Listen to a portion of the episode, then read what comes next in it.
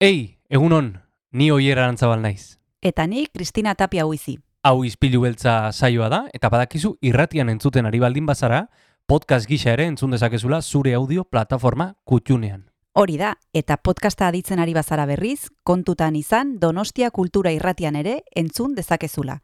FM eundazazpi puntu lau frekuentzian. Sare sozialetan ere topatuko gaituzu noski, izpilu beltza bilatuta, Instagram, Facebook eta Twitterren. Besterik gabe, guazen gaurko saioarekin. Az gaitezen,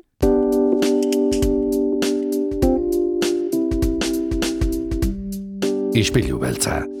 Donostiako kulturaren berri, Oyer Arantzabal eta Kristina Tapia buizirekin. Egun honen zule ostirala da, eta kafe bero-beroa daukagu mai gainean gaurko saioari heltzeko izpilu beltzean Donostia Kultura irratian.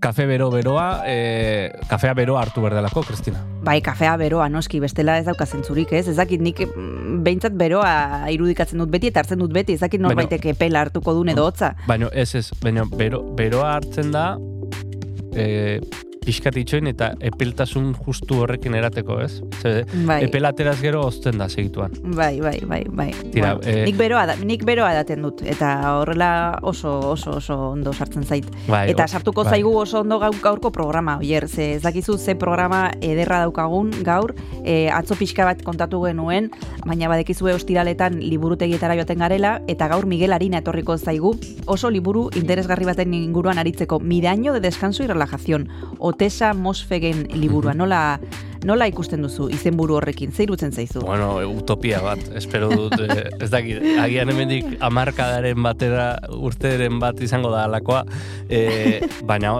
amestea libre da, ezta? Bai, hori da. Kontatuko digu Miguelak aber zeri buruz den e, liburu hau eta baita ekarriko dugu Michel Gaztanbide. Berak larrotxenen eskaintzen du e, gidoigintzaren inguruko ikastaroa, izan genuen iazko ikasturtean, oso elkarrizketa polita izan genuen, orduan eta orain ere izango dugu oso elkarrizketa ederra berarekin. Tira, saioa bete-bete dator, gure kafe katilloa bezala, eh, beraz, lehenengo eh, tragoak hartzeko, guazen Jon Gartziaren musikarekin. Guazen.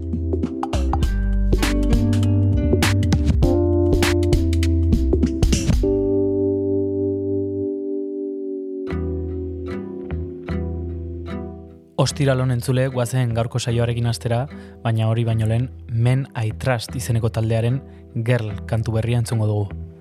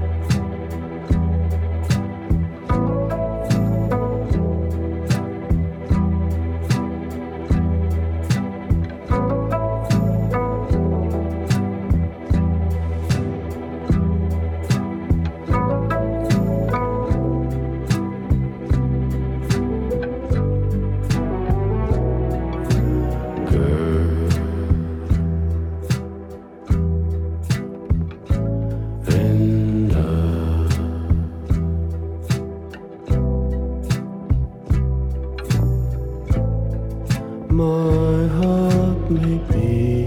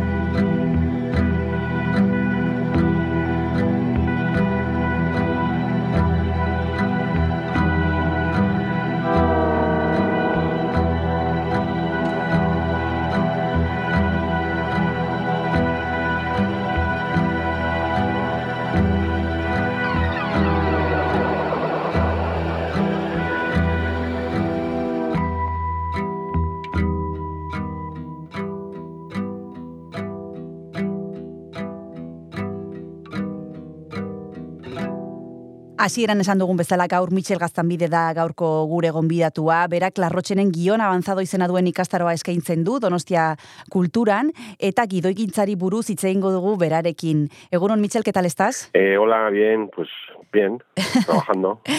Trabajando, además, este luego, no, pero luego, luego te vamos a preguntar en qué estás trabajando, porque algo hemos leído por ahí, tenemos mucha curiosidad, pero primero vamos a hablar del curso que impartes en La Rochene, que para eso te llamamos. Algo ya nos contaste el curso anterior, pero bueno, por si alguien no escuchó la entrevista, volvemos a recuperar algunas preguntas y a ver si sale alguna idea nueva. Lo primero de todo, Michel, eh, nos gustaría saber es qué podemos aprender en este curso titulado Guión Avanzado. Ya la palabra avanzado nos da alguna pista, pero ¿qué es lo que, lo que tratas de, de enseñar tú aquí? eh, bueno, eh, eh, es una palabra un poco grande, eh, la de guion avanzado. Lo que pasa que, bueno, como sabes que en la Rochene tenemos dos cursos de guion, uno que da Andoni, Andoni de Carlos, que más modestamente se llama Iniciación, y entonces para diferenciarlo el otro lo pusimos guion avanzado. Pero bueno, básicamente la intención es eh, que la persona que acuda al curso, cuando termine el curso, pueda tener la, bueno, más o menos el conocimiento de cómo se escribe un guion eh, profesional, ¿no? Es decir, que pueda, a pesar de que nosotros manejamos sobre todo eh, formatos de cortometraje, pero bueno, la escritura al fin y al cabo acaba siendo la misma y por lo tanto la, lo que nosotros nos preocupa y nos, y nos intentamos asegurar de que ocurra es de que el que termina el curso sepa escribir un guion de manera profesional. Mm. Dices, Michel, que la palabra avanzado es un poco grande, pero eso implica que algún conocimiento tiene que tener quienes se vayan a apuntar, ¿no? Es un curso Bueno, ya... eh, sabe- eh, esto ha ido eh, variando, ¿no? Es decir, evidentemente que haya algún conocimiento para diferenciar también, sobre todo el primer de- del primero de iniciación. Lo que pasa que a, lo- a- a veces ese conocimiento viene porque son gente que ha hecho dirección eh, en lugar de guion, gente que ha hecho que ha trabajado como técnico y no se ha formado en guion, es decir, que tiene ya, digamos, un- una especie de, de previo, ¿no? De conocimiento previo, independientemente de que no sea específicamente de guion el guion, el, digamos el guion iniciación suele acoger a gente que ha hecho menos cosas en general o que digamos que se que, que inicia su actividad dentro de del cine o de la escritura y quizás en el de guion avanzado normalmente o bien es gente que ya ha hecho ese curso previo o bien es gente que ya tiene algún tipo de, experiencia dentro del ámbito, experiencia aunque sea escolar o, de formación, ¿sabes? pero digamos en, am- más focalizado en ámbitos digamos más técnicos o más de puesta en escena o lo que fuere. Por eso también hacemos esa especie de, de- de- es decir, hace falta un conocimiento previo, pero quizás eh, tampoco digamos mayúsculo. ¿eh? Mm, mm. Tú llevas ya un tiempo impartiendo este curso en La Rochene y ¿qué- ¿cuál es el perfil de personas eh, que se apunta a, a este curso? Ha ido variando con los años. El otro día, la semana pasada, de hecho, hablábamos con Óscar Tejedor, que también imparte un curso en La Rochene, y nos decía, jo, el perfil es muy diverso, desde personas eh, jubiladas hasta chavales jóvenes que ya eh, están muy, muy puestos en esto. No sé, en tu caso, ¿qué clase de gente Sí. suelen acercarse? Es exactamente lo mismo que lo que comentaba Oscar. Eh, digamos que, tenemos un, espectro muy variado, eh, eh, desde la juventud a la veteranía, es decir, gente que ya ha terminado su actividad laboral ¿no? y que por fin tiene tiempo de poder eh, eh, formarse o ampliar conocimientos en algo que les gusta mucho, en este caso el cine y, el guion o lo que fuere, o sea, gente jubilada o y tal, y luego gente muy joven, gente de 20, de 22, de 20, y luego pues gente de mediana edad, etcétera, etcétera, ¿no? Eh, es el perfil, digamos, yo creo básicamente habitual dentro de lo que es una casa de cultura, actividad volcada hacia la ciudadanía en general, con eh, la particularidad de que eh, acoge a gente que de manera específica está muy interesada en el cine. Y luego hay una cosa que para mí es esencial en la Rochene, porque, mm, bueno, eh, igual es un poco petulante por mi parte decir que somos profesionales de primer nivel, pero bueno, más o menos somos profesionales de, de primer nivel y formamos a gente por poco dinero.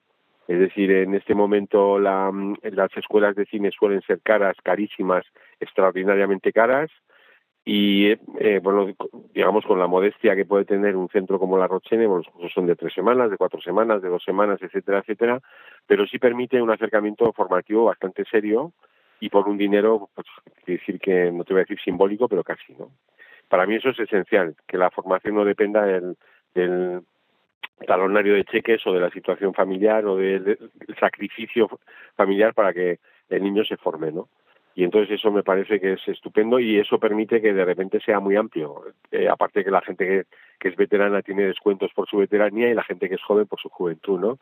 Entonces, me, no sé, pero y eso además acaba siendo maravilloso para las clases, porque las historias que cuentan, las experiencias que se transmiten los unos a los otros, la exigencia, bueno, la exigencia, suelen acabar colaborando en proyectos y eso es maravilloso.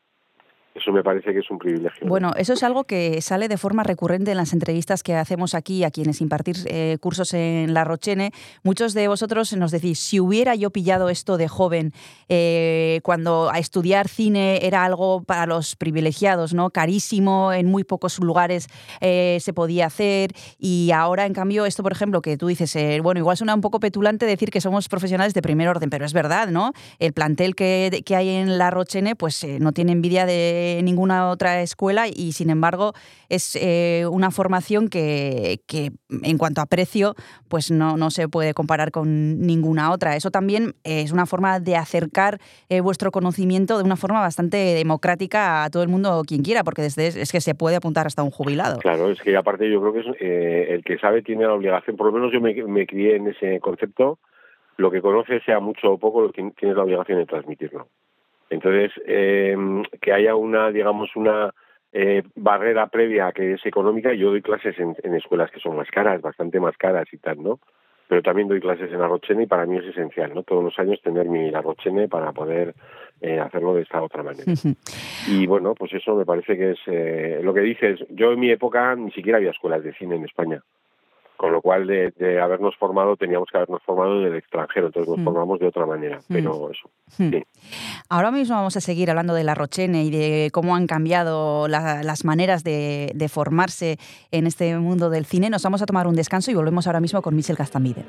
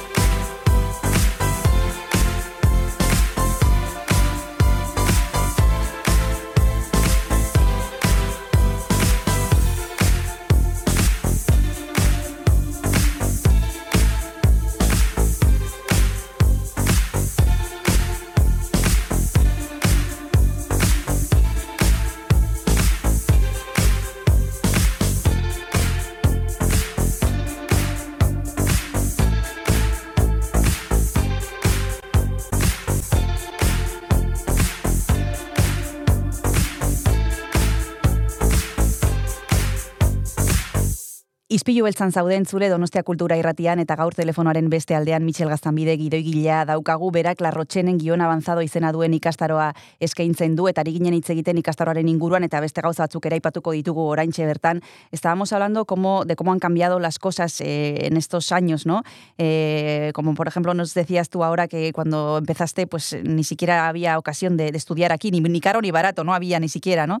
Eh, a ti, ahora que estás en contacto con, en la Por ejemplo, y en otros sitios con, con chavales que están empezando, eh, ¿te habría gustado tener algún consejo en ese momento que te hubiera venido muy, muy bien? Que alguien te hubiera dicho algo que ahora mismo pues dices, jo, eh, hubiera agradecido que alguien me hubiera dicho esto. ¿Qué hubiera sido, Michel? Uf, qué pregunta más complicada. Eh, ev- evidentemente siempre, claro, una de las cosas, yo creo que la enseñanza o la formación tiene dos cosas, la formación reglada, digamos, tiene dos cosas que son muy importantes. Eh, primero, los atajos, es decir, que te- eh, a ti te cuesta de manera personal o autodidacta tiempo descubrir las cosas y las sueles descubrir con la práctica. Que eso era también una diferencia a favor nuestro de aquella época, que había muchos menos profesionales, digamos, intentando dedicarse a eso y había más sitio para trabajar. Entonces a- trabajábamos, aprendíamos con el celuloide, digamos, ya haciendo, con lo cual eso dio, eh, por lo menos en mi caso, a lo mejor pie a películas mm, relativamente interesantes, pero bueno, a nivel de formación era bastante sólido, ¿no? Eh, eso por un lado. Y lo, lo otro que te da una escuela es, eh, la, eh, es decir, eh, eh, la contaminación. Es decir, estás con otra gente que quiere lo mismo que tú. Hmm. Entonces conoces a gente que está igual de loca que tú. conoces a gente que está igual de preocupada que tú por lo mismo. Entonces eso está muy bien y eso, siendo autodidacta, es más difícil de, de conocer. Llegas ahí a través de los rodajes, de tal, pero los guionistas, como trabajamos más en casa, pues es más complicado, ¿no? Entonces eso eso es impagable y eso es una cosa que, bueno, pues eh, sí he podido echar de menos. Exactamente qué, cuál consejo, pues no, en este momento me pillas un poco fuera de juego, no sabría qué decirte. Pues no sé, eh, porque hay, digamos que hay dos, dos cosas que son muy importantes para escribir, ¿no? En mi caso, una cosa buena era que eh, cuando estabas un poco dejado de la mano de Dios de la teoría y de la técnica, pues la teoría y la técnica no pesaba tanto como pesa a- en estos momentos y yo creo de manera excesiva, ¿no? Que si las estructuras, que si tal, todo esto. Entonces, en aquel momento, digamos que era más libertario y eso me parece que es un acierto. Ahora, de repente, cuando hay una enseñanza muy reglada, se tiende a sistematizar, como la matemática, la física, la química, que ahí es lógico porque tienes que aprender unas cosas concretas. Pero aquí, de repente, se nos olvida a veces que tiene algo de arte el cine y entonces intentamos, no, tiene que haber no sé qué, tiene que haber no sé cuál, y eso creo que a mí me parece que es, que no te voy a decir que es un error, que es equivocado. Pero sí que me hubiera gustado encontrarme con otros locos como yo en otro sitio y haberme encontrado con gente que tenía una experiencia directa que, que me hubiera transmitido pues eso, atajos, verdades, conocimientos, autores y tal que he tenido que ir descubriendo de, de otra manera. ¿no? Mm. Hablabas de que en el, en el cine hace falta un poco de arte y yo no sé si eso se puede aprender, si se tiene o no se tiene y si podemos eh, Hombre, formarnos también o esto es algo genético. Claro. Mira, yo era, eh, dentro de las ignorancias que tiene un autodidacta, estaba la sensación de que la, la creatividad se tenía o no se tenía. Y so- siempre suelo decir a mis alumnos eh, que les hace un poco de gracia que de mis primos era el más creativo yo seguro. Lo que pasa que eh, eso no, la creatividad se agota en sí misma, es decir, la tienes que entrenar y eso sí- sí que, se, que es un ejercicio que se puede, unos, unos mecanismos, unas herramientas que te pueden ayudar a, a entrenarlo, ¿no? Y entonces, claro, la creatividad se tiene, pero ya, eh, o sea, decir, hace falta además otras características que son contrarias. A la, creatividad, digamos, que forma parte de la parte derecha del cerebro, ¿no? Pero el, el guionista vive de las dos partes del cerebro. Solo decir que es un, eh, es un oficio que necesita lo mismo que el de director, sentido común e intuición. Sentido común es parte izquierda, todo raciocinio, lógica, implacable, etcétera, etcétera, y parte derecha, fantasía, imaginación, creatividad, etcétera, etcétera. Pero en esas dos, no una más que la otra. Entonces, aparte de creatividad, tienes que tener capacidad de autocrítica, capacidad de trabajo, capa- o sea, decir, un montón de capacidades que son excluyentes si no las tienes. Entonces, ya te digo, porque mucha gente te dice, no, yo tal, tengo mucha imaginación, sería un guionista estupendo, o que les ves en los ojos que creen que es así, y dices, joder, no, no te, no te queda picar piedra, compañero, ¿sabes? Porque igual de repente tienes mucha creatividad, pero claro, picar piedra no sabes. Y entonces no vas a escribir un guion nunca porque es un ejercicio de disciplina, de tal y de cual, y evidentemente de creatividad, ¿no? Pero de las dos cosas. Ahora seguimos hablando de creatividad y de otro concepto que nos mencionó la semana pasada aquí Oscar Tejedor y que me gustaría comentarlo contigo, que es el de la mirada. Eh, pero nos vamos a tomar antes un descanso y volvemos enseguida para seguir hablando con Michel Gastambide.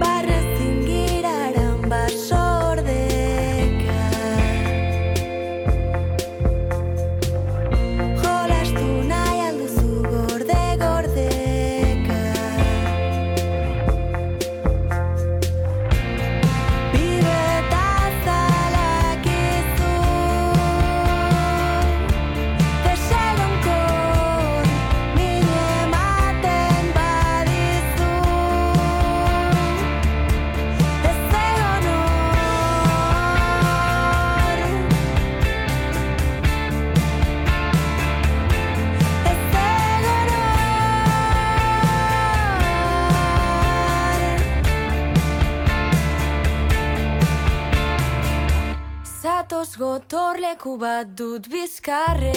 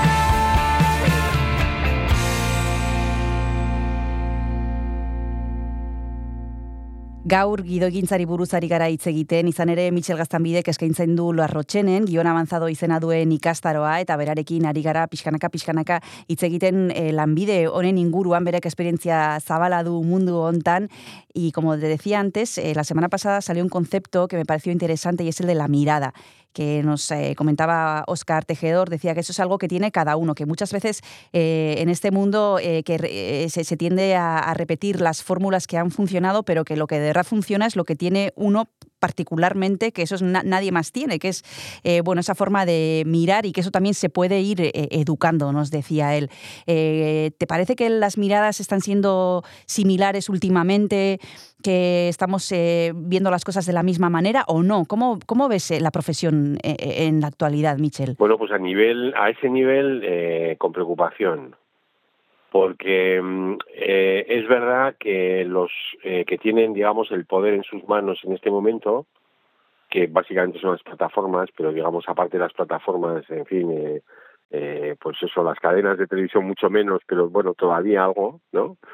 Están intentando eh, imponer una serie, están, bueno, nos están intentando convenciendo de que el espectador es poco menos que gilipollas, un poco depende un poco más arriba, un poco más eh, tal, y que necesita que las cosas se le den mascadas, que necesita que de repente se repitan las cosas tres veces, a ser posible en el diálogo, o me voy a ahogar, hay uno que se está ahogando y tienes que, el pobre, claro, la última bocanada de, de agua se la traga diciendo me voy a ahogar por si acaso hay alguien que no se ha dado cuenta que se está ahogando, ¿no?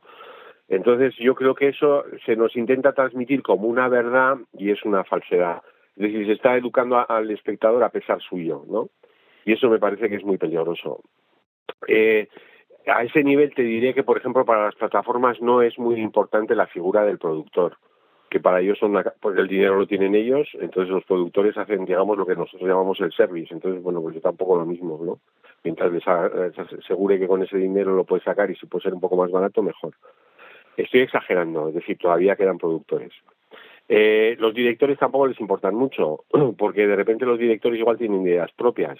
Y ellos como tienen una mecánica de decir, no, tiene que haber siete planos, me tienes que hacer un plano general y un plano, igual de repente el director hubiera hecho un, solo plano para toda la escena, pero este pide cinco. Es decir, eh, hay una especie de lamentable deriva hacia los códigos preestablecidos, ¿no? De lectura en función de las necesidades supuestas de un espectador. Lo que quiere, lo que dicen ellos que cree que quiere el espectador, que yo no creo que sea así, pero bueno.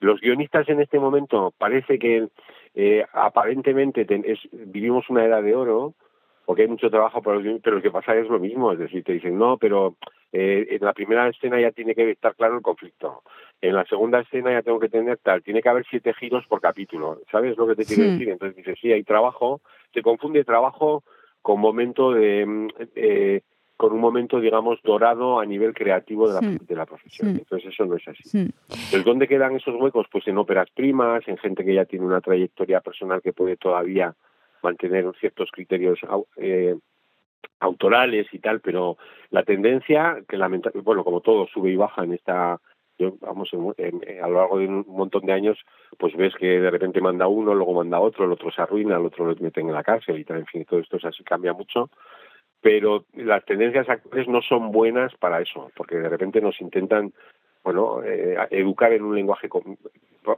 básicamente igual, ¿no? Yo no me parece que sea lo Hmm. mejor. Bueno, de hecho hay una cosa que me llama bastante la atención, a ver qué te parece a ti, y es que en los títulos de crédito de algunas series ya no aparecen, eh, bueno, las figuras a, las que estábamos acostumbrados hasta ahora, pues como decías tu director, productor, guionista, sino que es showrunner, que es un concepto que no sabemos muy bien qué hace, pero que es el, más es. importante. Sí, sí. Y, y, y hay veces que pone la misma persona, pone creador, escritor, director, eh, dueño de la idea original parida bajo un manzano, es decir, es una cosa como absolutamente, dices, bueno, o sea, eh, yo, bueno, soy de la vieja escuela, entonces dirigido por, escrito por, ¿sabes qué te quiero decir? Y punto. ¿no? Pero bueno, es una, y hay gente que se lo cree, dice, "So- soy showrunner, soy Dios, dices, bueno, pues vale, compañero, pues mejor, mejor para ti, igual debe ser de puta madre. Y en España parece que hay mucha gente que se arroga ese nombre, pero realmente no hay muchos. ¿sabes? Es decir, pues eh, eh, te acuerdas de Pina, te acuerdas de Aitor Gabilondo, te acuerdas, eh, ellos pues eh, sí que tienen, ya llevan un tiempo haciendo eso, ¿no? Pero de repente, o sea, hay gente que dice, yo soy showrunner y da un máster de showrunner y dices, pero tú qué has hecho, o sea, compañero, ¿quién eres? ¿no? Has hecho una serie, idea eh, original, pues muy bien, que te lo habrán pagado, producción ejecutiva, que no sabemos muy bien lo que es eso, atribuido a un guionista, pero ¿qué es eso de showrunner, no? O sea, decir, y aparte de esas a mí no me gusta, también es una cuestión de, oreja, ¿no? Pero no me gusta que de repente hablemos tanto en nuestro oficio con palabras, con terminologías inglesas, ¿no? Es decir, eh, digo, no, pues se, se podría traducir showrunner eh, para que yo lo pueda entender. Entonces, porque dices, bueno, showrunner a mí es que está como vacío de contenido. Y sobre todo hay mucha gente que se pone la medalla y no sabemos muy bien por qué, ¿no? Porque tampoco hay tanta serie de la que puedas presumir. Eso, por otro lado. Decir, la gente dice, no, he hecho una serie y dices, a ver qué has hecho, hostias, macho, mejor que no dijeras nada, ¿no? Pero bueno, en fin, perdón, me estoy eh, viniendo arriba. Bueno, y al, al hilo de eso, eh, Michel, te quería preguntar, y para terminar, por un proyecto que yo creo que no tiene nada que ver con esto que estamos comentando, y es el proyecto de Víctor Erice, que bueno que muchos años después eh, vuelve vuelve al cine con una película que bueno que yo no sé si ya se ha terminado el rodaje que se llama Cerrar los ojos y que tú también estás ahí implicado. Cuéntanos un poquito hasta donde se pueda contar eh, algo sobre este proyecto. Sí, bueno, se puede contar poco, se puede contar que Víctor ha terminado de rodar eh, hace muy pocos días, por lo tanto la, la película está en la data, que fue un privilegio para mí que un día me llamase, me escribiese el señor Víctor Iza, al que no conocía personalmente, que ha sido un proceso muy grande, muy importante, muy bonito en, en la escritura de guion y que esperamos que la película la podáis ver el año que viene. Y poco más te puedo decir. y Que fue un, un, un honor, un privilegio y, y ya está. Eso. No así sé, que sí. sabemos cuándo se podrá ver más o menos este año No, el año que viene de- yo creo que la intención es que esté para eh, para el año que viene, pero pues depende, ¿no? Estamos, eh, ya te digo, acaba de, de terminarse el rodaje, luego hay que hacer todo lo que es el Mm, montaje, mm. preproducción, etcétera, etcétera. Y bueno, pues eso es, pero yo creo que en, en- en salas debería estar seguramente a finales, en, otoño del año que viene, pero quién sabe. Bueno quién sabe Ojalá. nosotros Pero vamos, por- vamos a tener otra película de Víctor Erice, que eso es una maravilla. Sí, sí. Bueno, pues en esta en la que ha participado también Michel Gastambide, también están eh, en la interpretación Manolo Solo y José Coronado. A ver, a ver, eh, porque este es un proyecto que no tiene nada que ver con las cosas que hemos estado comentando hasta ahora. No, eh, hecho de otra manera y, y bueno, y con otros con, otros mimbres, yo creo también. Eh, bueno, vamos al principio, a lo nuestro, que es por lo que hemos llamado a Michel Gastamide, que es al curso de la Rochene. Como hemos dicho, él imparte el curso de guion avanzado eh, para quien quiera. Ya veis que cualquiera se puede apuntar. También tenemos el de Andoni de Carlos, que es eh, iniciación, pero, pero bueno, ahí cada uno que, que vea un poco cuáles son sus fuerzas. Muchas gracias, Michel, por haberte acercado a Ispillu Belsa. Un abrazo y suerte con todos los proyectos. Hasta la próxima. Vale, muchas gracias a vosotros. Un abrazo. Agur. Esan nizun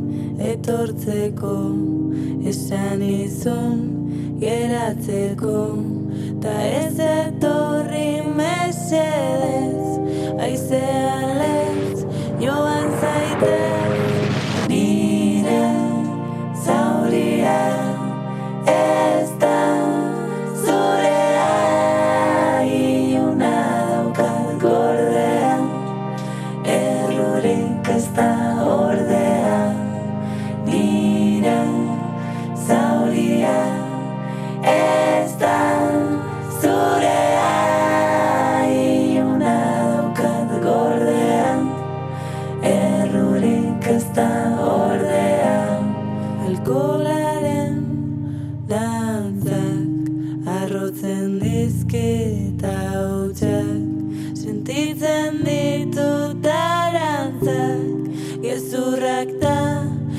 Esperantzak nire zauria ez da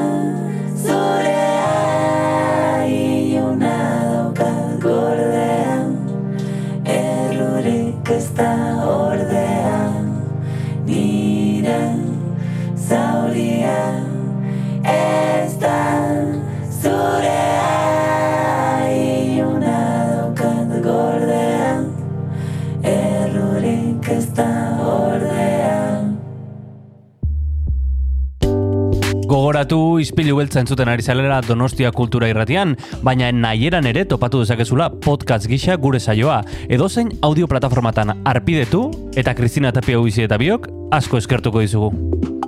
Orain jarrai dezala saioak.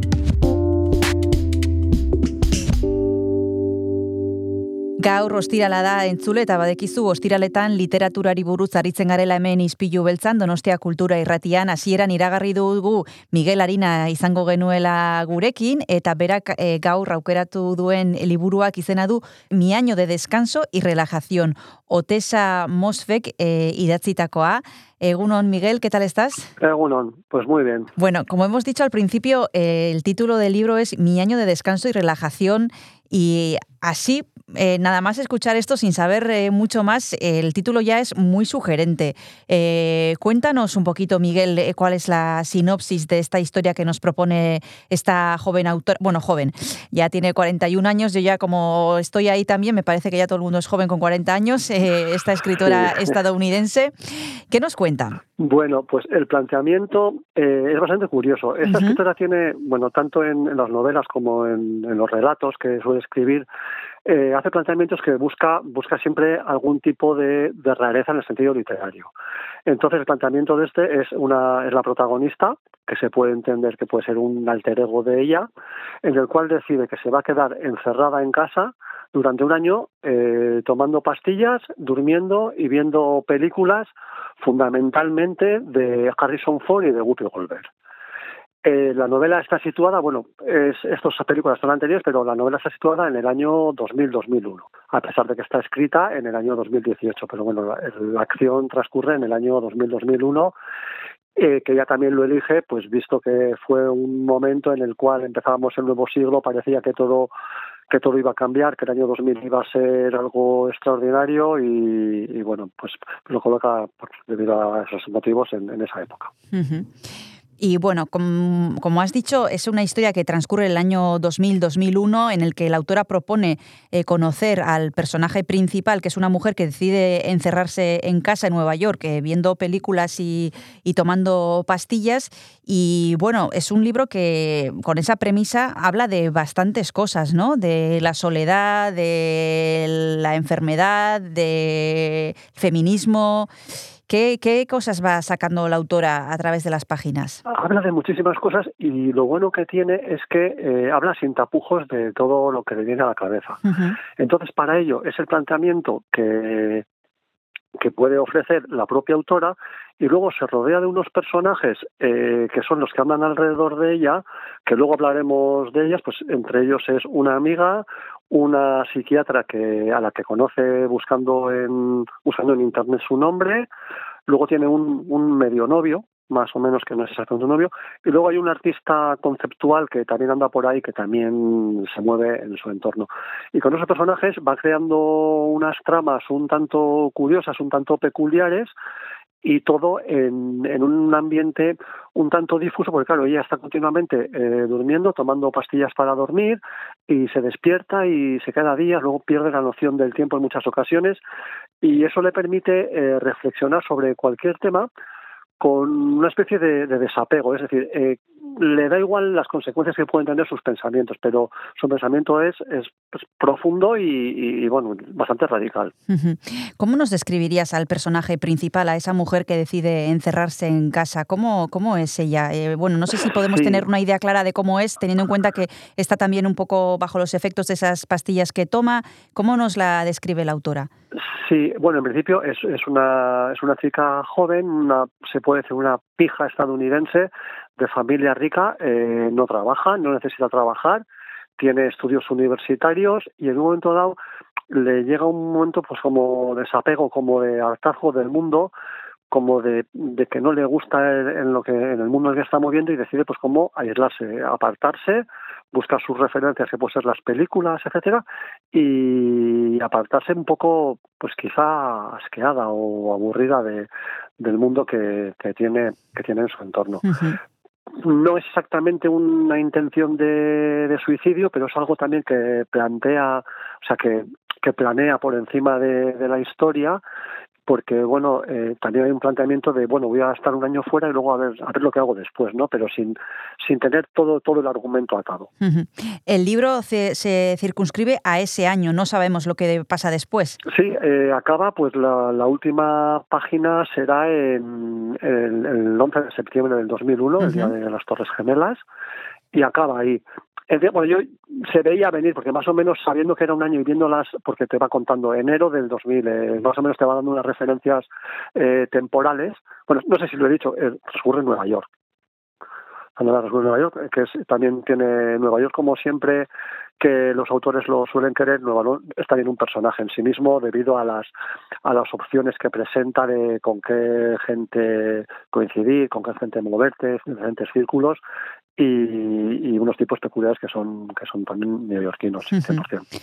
Vamos a hablar enseguida de esos otros personajes que acompañan a la protagonista de este libro que se titula Mi año de descanso y relajación, pero antes nos vamos a tomar, Miguel, un descanso y para eso te voy a pedir que nos propongas una canción. ¿Qué has pensado? Sí, pues he cogido dos canciones eh, para ahora y para el final eh, que son que aparecen en el libro, que las oye ella en un momento de, de la historia. Entonces, una sería de Prince, eh, por ejemplo, Purple Rain. Perfecto, pues vamos a escucharle.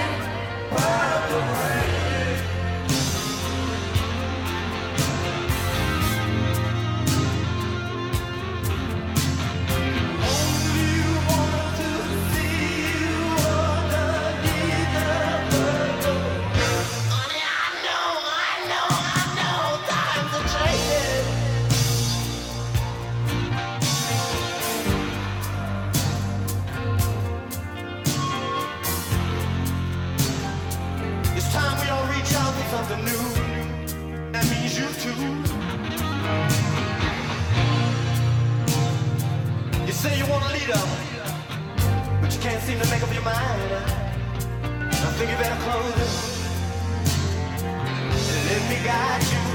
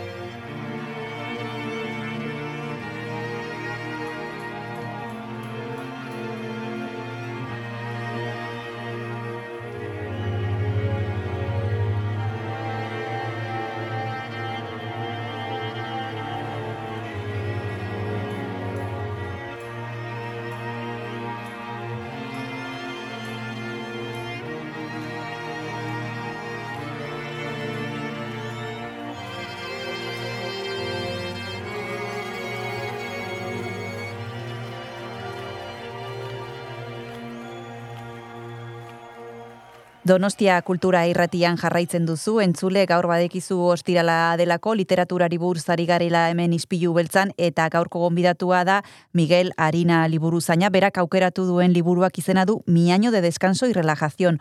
Otesa Mosfek eh, estatu batuetako idazleak egina, eh, duela oso urte gutxi, alfaguaran dago.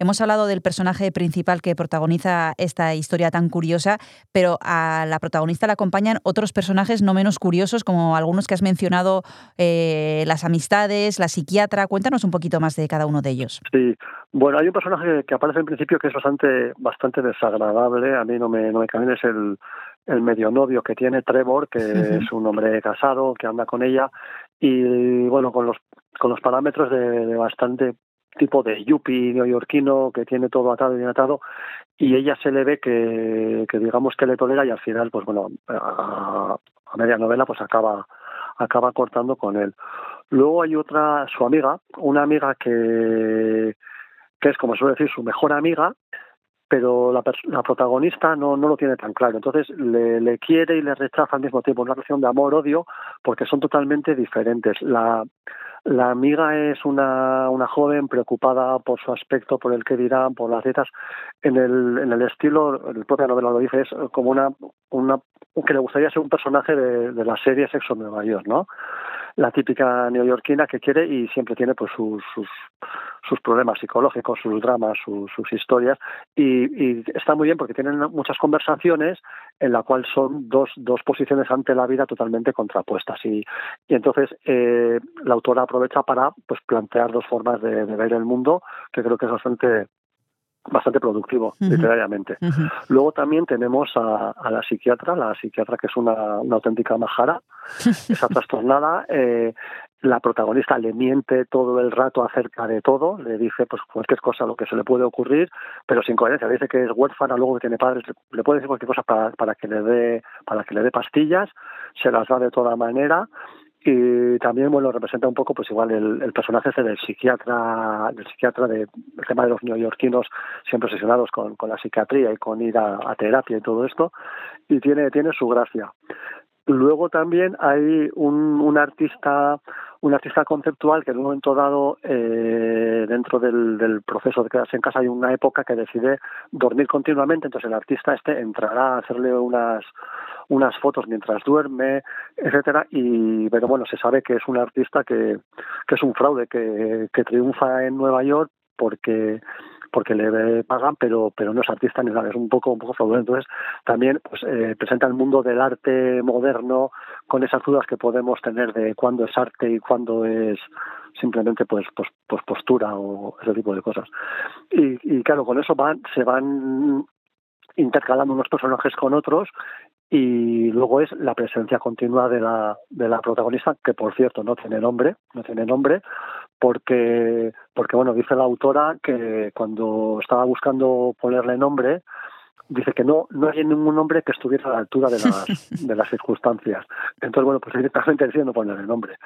Ya digo, es, es una, es una autora que a mí me parece muy, muy peculiar porque tiene unas, unas decisiones muy, muy claras y muy definidas y, y va a lo que va y le gusta le gusta que sus libros tengan pues cierta personalidad y creo que creo que lo consigue. Miguel, nos has descrito a los personajes que aparecen en, en esta novela, eh, teniendo en cuenta que la protagonista vive ese año encerrada, ¿cómo interactúa con estos personajes? Eh, ¿Lo hace, eh, va- van a visitarle a su casa, lo hace a través del teléfono, de internet? Sí, van a visitarle a su casa y es que de hecho ella hay hay periodos eh, porque también ella sale de casa a, a una tienda que hay ahí en la esquina en su barrio cerca una tienda de unos egipcios que también deben ser peculiares y va allí fundamentalmente a comprar café y a comprar algo de comida pero hay muchas ocasiones que ella se da cuenta que ha salido a la calle que ha vuelto que ha comprado cosas y ella no recuerda no recuerda lo que ha hecho, pero digo, es, es un, en ciertos momentos una cierta nebulosa en el cual todo no, no está, no está bien concreto.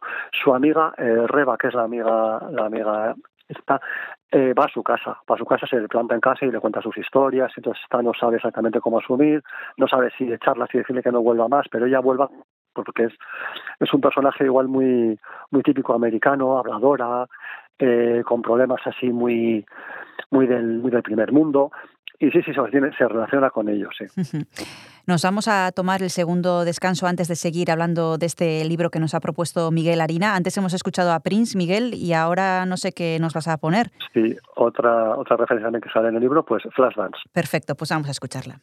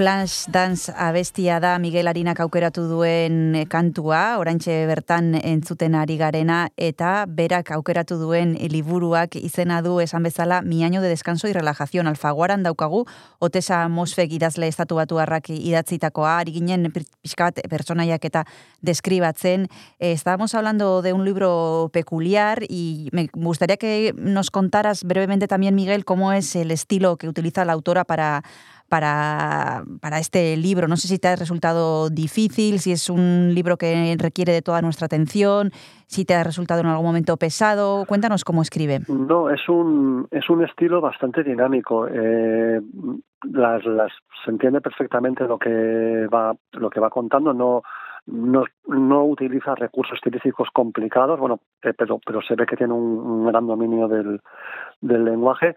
Y, Sí, fundamentalmente se centra se centra en la historia. En la historia y mm, a mí me ha gustado que toma referencias de diferentes ámbitos y son referencias, eh, bueno, con con existencia real, vamos, con habla de arte, puede hablar de amistad, puede hablar de libros, puede hablar de del cine de los años 80 y se ve que, que realmente controla aquello a lo que se refiere. Y me ha gustado. Yo simplemente al libro le voy a poner una pega que no tiene nada que ver con la autora, es ¿Sí? la portada. A mí no me gusta absolutamente nada. ¿Sí? Porque Bueno, vamos a describirla, no- Miguel. Vamos a, vamos a describir cómo es la portada. Sí, es una portada en la cual aparece una mujer de joven, de aspecto, yo diría que decimonónico, o sea, como si fuera un, una novela de... Parece una foto antigua. die- una foto antigua del siglo XIX. Entonces, con el año de relajación, pues eh, puede dar a puede dar a entender que puede ser una novela de estas de tipo Jane Austen o Emily mm, Bronte, americanas de, de ese siglo, ¿no? Y, y yo, yo el libro este lo, lo había visto ya en, en la biblioteca y bueno, simplemente me quedé así. Y luego me lo recomendó un amigo que es profesor de literatura y confío en su criterio y hasta ahora nunca, nunca me ha fallado. Y, y sí, la portada de falla. Y luego, bueno, eh, quería comentar, aparte de la novela, eh, yo me he leído otro libro de, de relatos de ella que se titula Nostalgia de otro mundo, que es bastante reciente también y la verdad que guarda el estilo, igual es un poco más más crudo y más y más fuerte los relatos. Hay que hay que hay que golpear en menos tiempo y, yo creo que, que lo hace bien. Y, a- y actualmente he estado eh, mirando un poco y va a publicar otro otro libro. No sé, no sé si es una novela o cuentos, pero está a punto de, salir.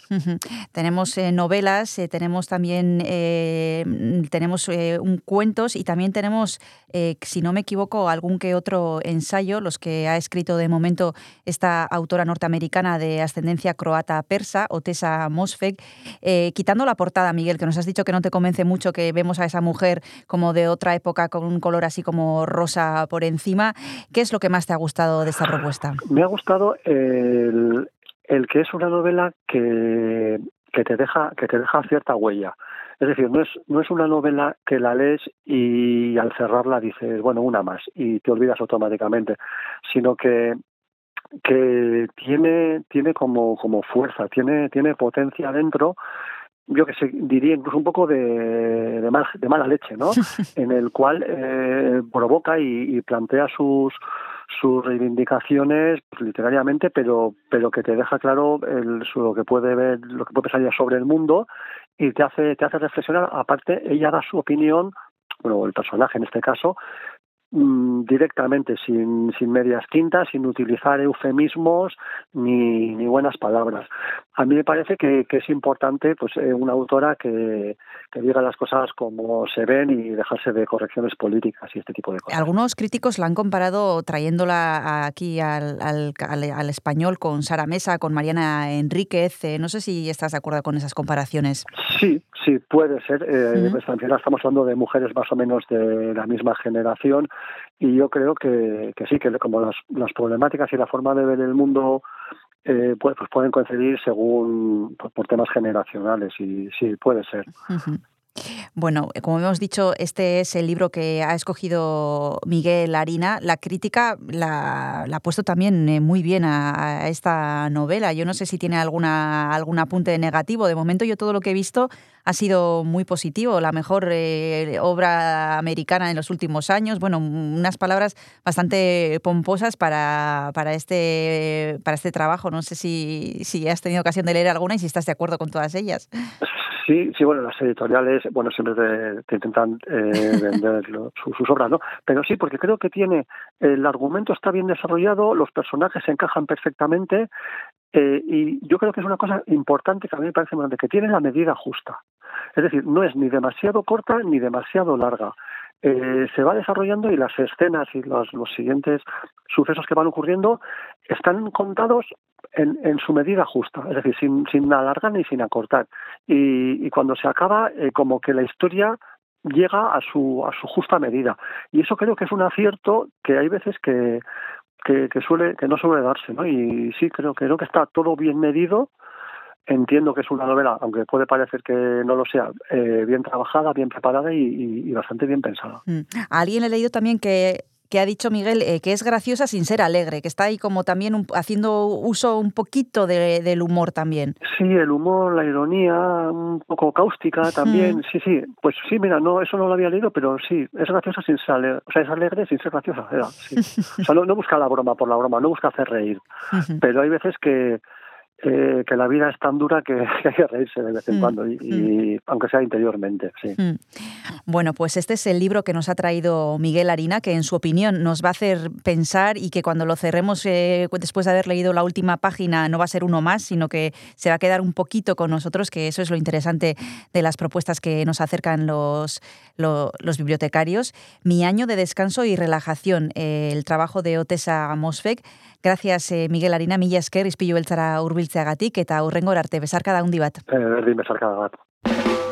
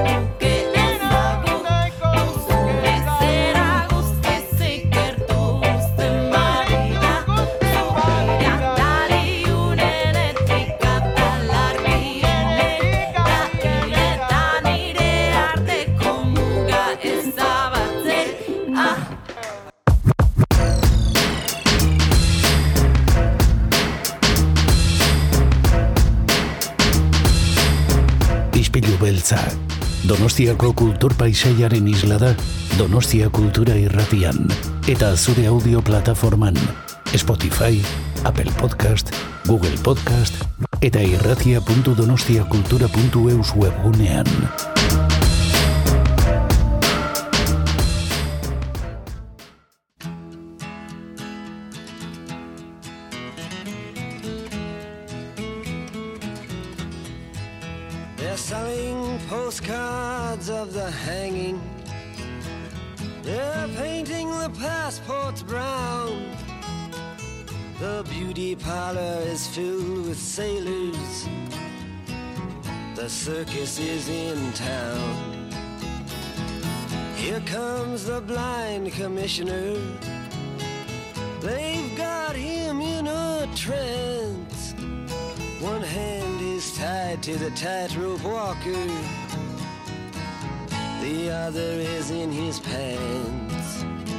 And the riot squad, they're restless. They need somewhere to go. As Lady and I look out tonight from Desolation Road.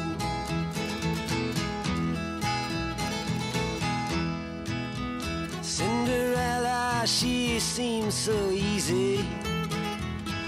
Takes one to know one. She smiles and puts her hands in her back pocket. Betty Davis style. And in comes Romeo, he's moaning. You belong to me, I believe. And someone says you're in the wrong place, my friend. You'd better leave. Left after the ambulances go is Cinderella sweeping up on Desolation Road.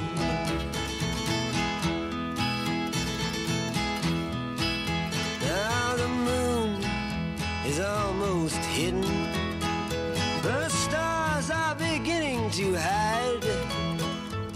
Fortune telling lady has even taken all her things inside. All except for Cain and Abel and the hunchback of Notre Dame.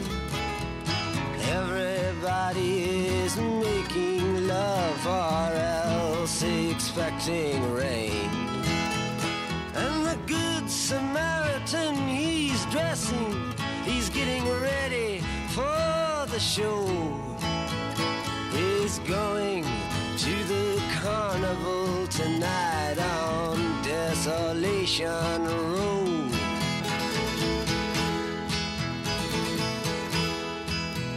Ophelia, she's neath the window.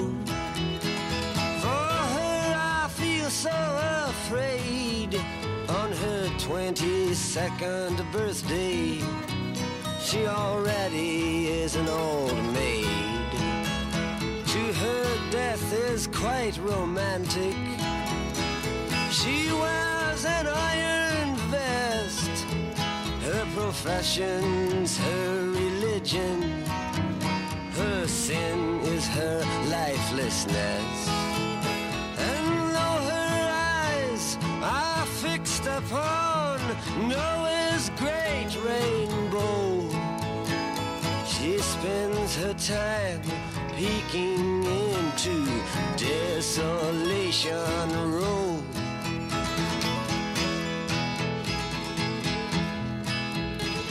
Einstein disguised as Robin Hood with his memories in a trunk. Passed this way an hour ago with his friend, a jealous monk.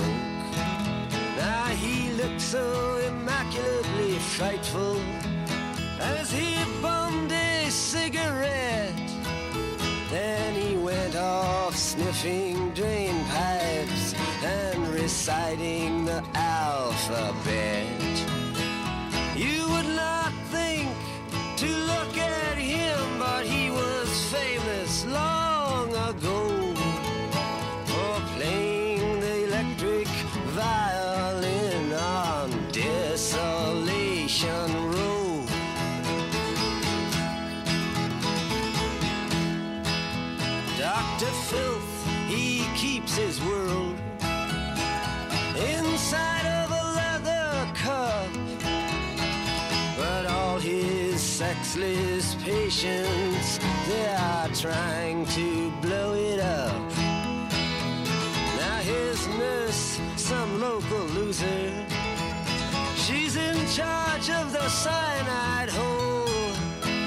She also keeps the cards that read "Have mercy on his soul."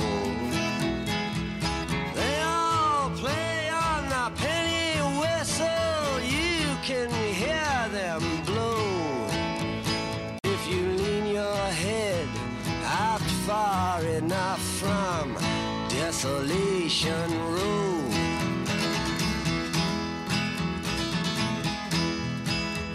Across the street, they've nailed the curtains. They're getting ready for the feast. The phantom of the opera in a perfect image of a priest. Here are spoon feeding Casanova to get him to feel more assured. Then they'll kill him with self confidence after poisoning him with words. And the phantom shouting to skinny girls, Get out of here if you don't know. Casanova is just being punished for going to Desolation Road.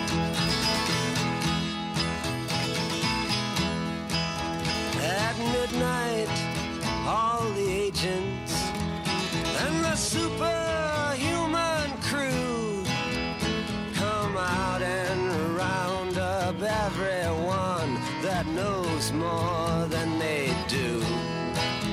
Then they bring them to the factory where the heart attack machine is strapped across their shoulders and then the kerosene is brought down from the castles by insurance men who go check to see that nobody is escaping to desolation road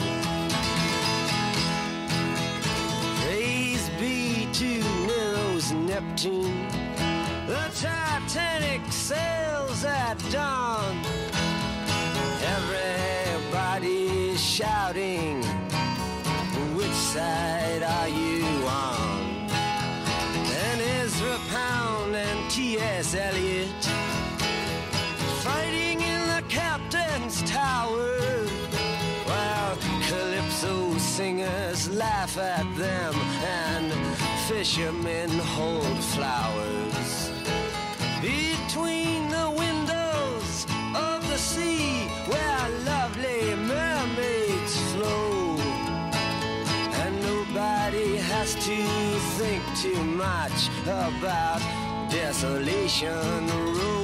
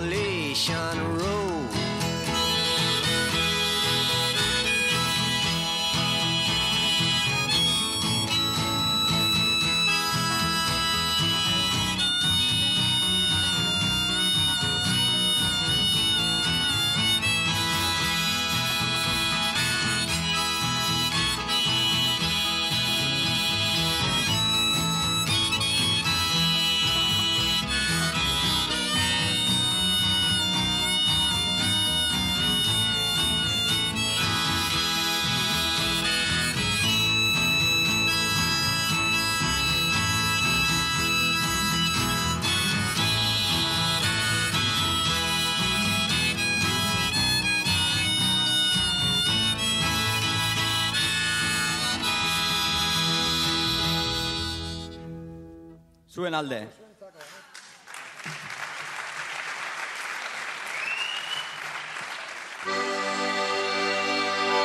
Guzti zitsuari nintzen jartzen Historiaren tabernan Gizton emaztek Aurrala gaztek Zeinek ardo gehiago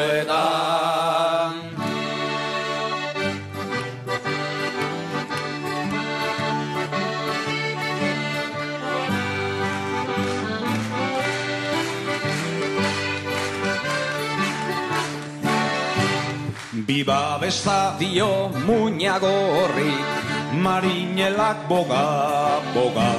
Haupa gizonak atzarre maze Sexua gozatzeko da. Jaun baruak txori txikiari Aika mutil jeikiadi Ka tie al di neska far baten tatzen keñuka i largiari i parragirre komedia ante u casillo alegetas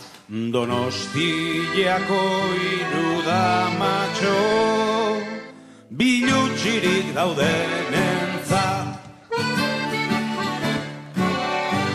Hilda jainkoan ork dantzatuko Bote du soinutxo hori Amalau atzo trompeta jotzen Aita San Antoni hori.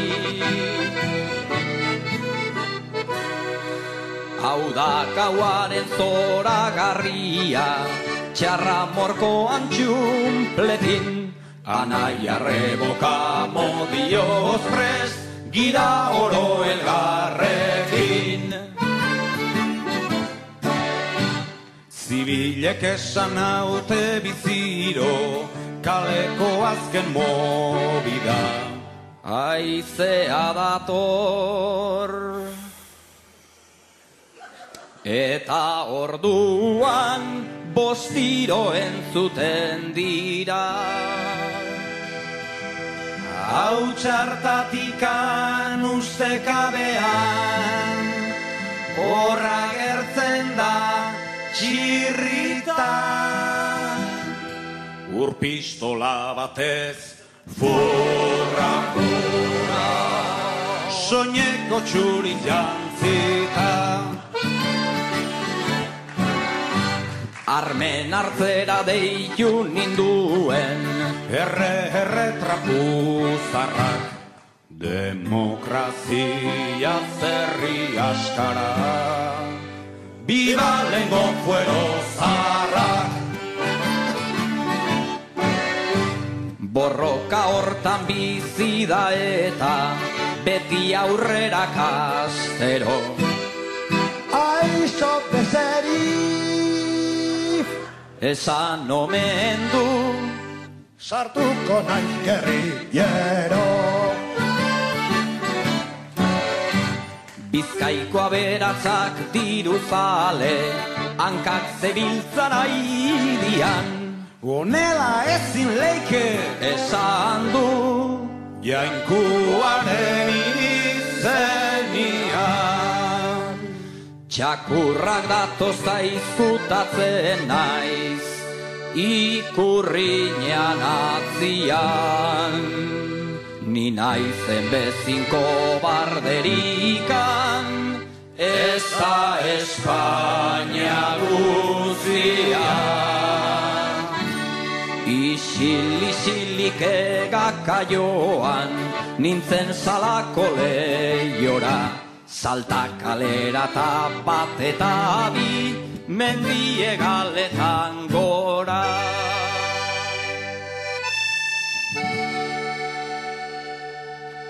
Izarren salda urdina edan da, zezen gorrita akerbeltz, burua galtzen ari naiz eta, ez ez du nahi, ez ez ez ez. Loretxoari begira ume eder bat ikusi nuen Ta gero beste, beste bat, ta beste bat. Inguratuan nengoen Basandereak erantzun zidan. Horai dugu forogatu, opetik poet bihotz nerea, aurrorrek aitazu zaitu. Zerbait emanaz eskatu nion. Umetxo askan azazu, libre izateko naiz jaioa, Parisera bamuazu. Azken arnasa eman nahi nuke. Santa Maña egunian Mekago mar. Izar berri bat piztu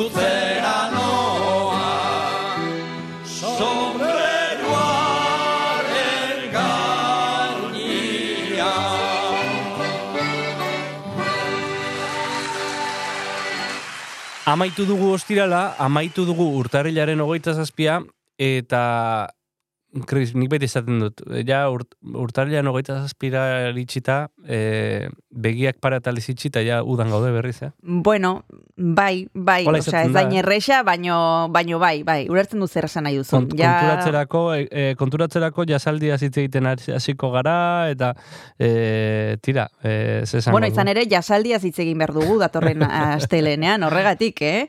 Ematen du falta dela pila bat, baino jasaldian ari dira lanean tope, eta ja kartela e, badaukate, e, bertako taldeen e, selekziorako lanean ari dira, e, iragarri dituzte izen pila bat, e, ordainpeko kontzertuak ja itxita daude, beraz, bueno, e, falta da, baino ez da, ez da inbeste falta. Ez, egia da. Eta egia da, berotegi efektuarekin ere, e, Leicester bi urtaro baino ez ditugula ukiko, beraz, e, ba, pasako gara jasalditik zinemaldira eta zinemalditik jasaldira, kolpe batean.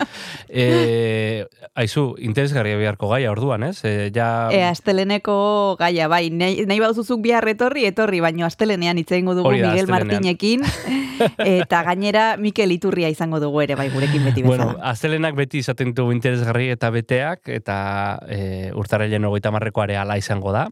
Eta tira, bitartean asteburuan deskantzatu eta eta gogoratu ba, egunero topatuko garela ispilu beltzean. Hori da, deskantzatu eta astelener arte. Agur, agur.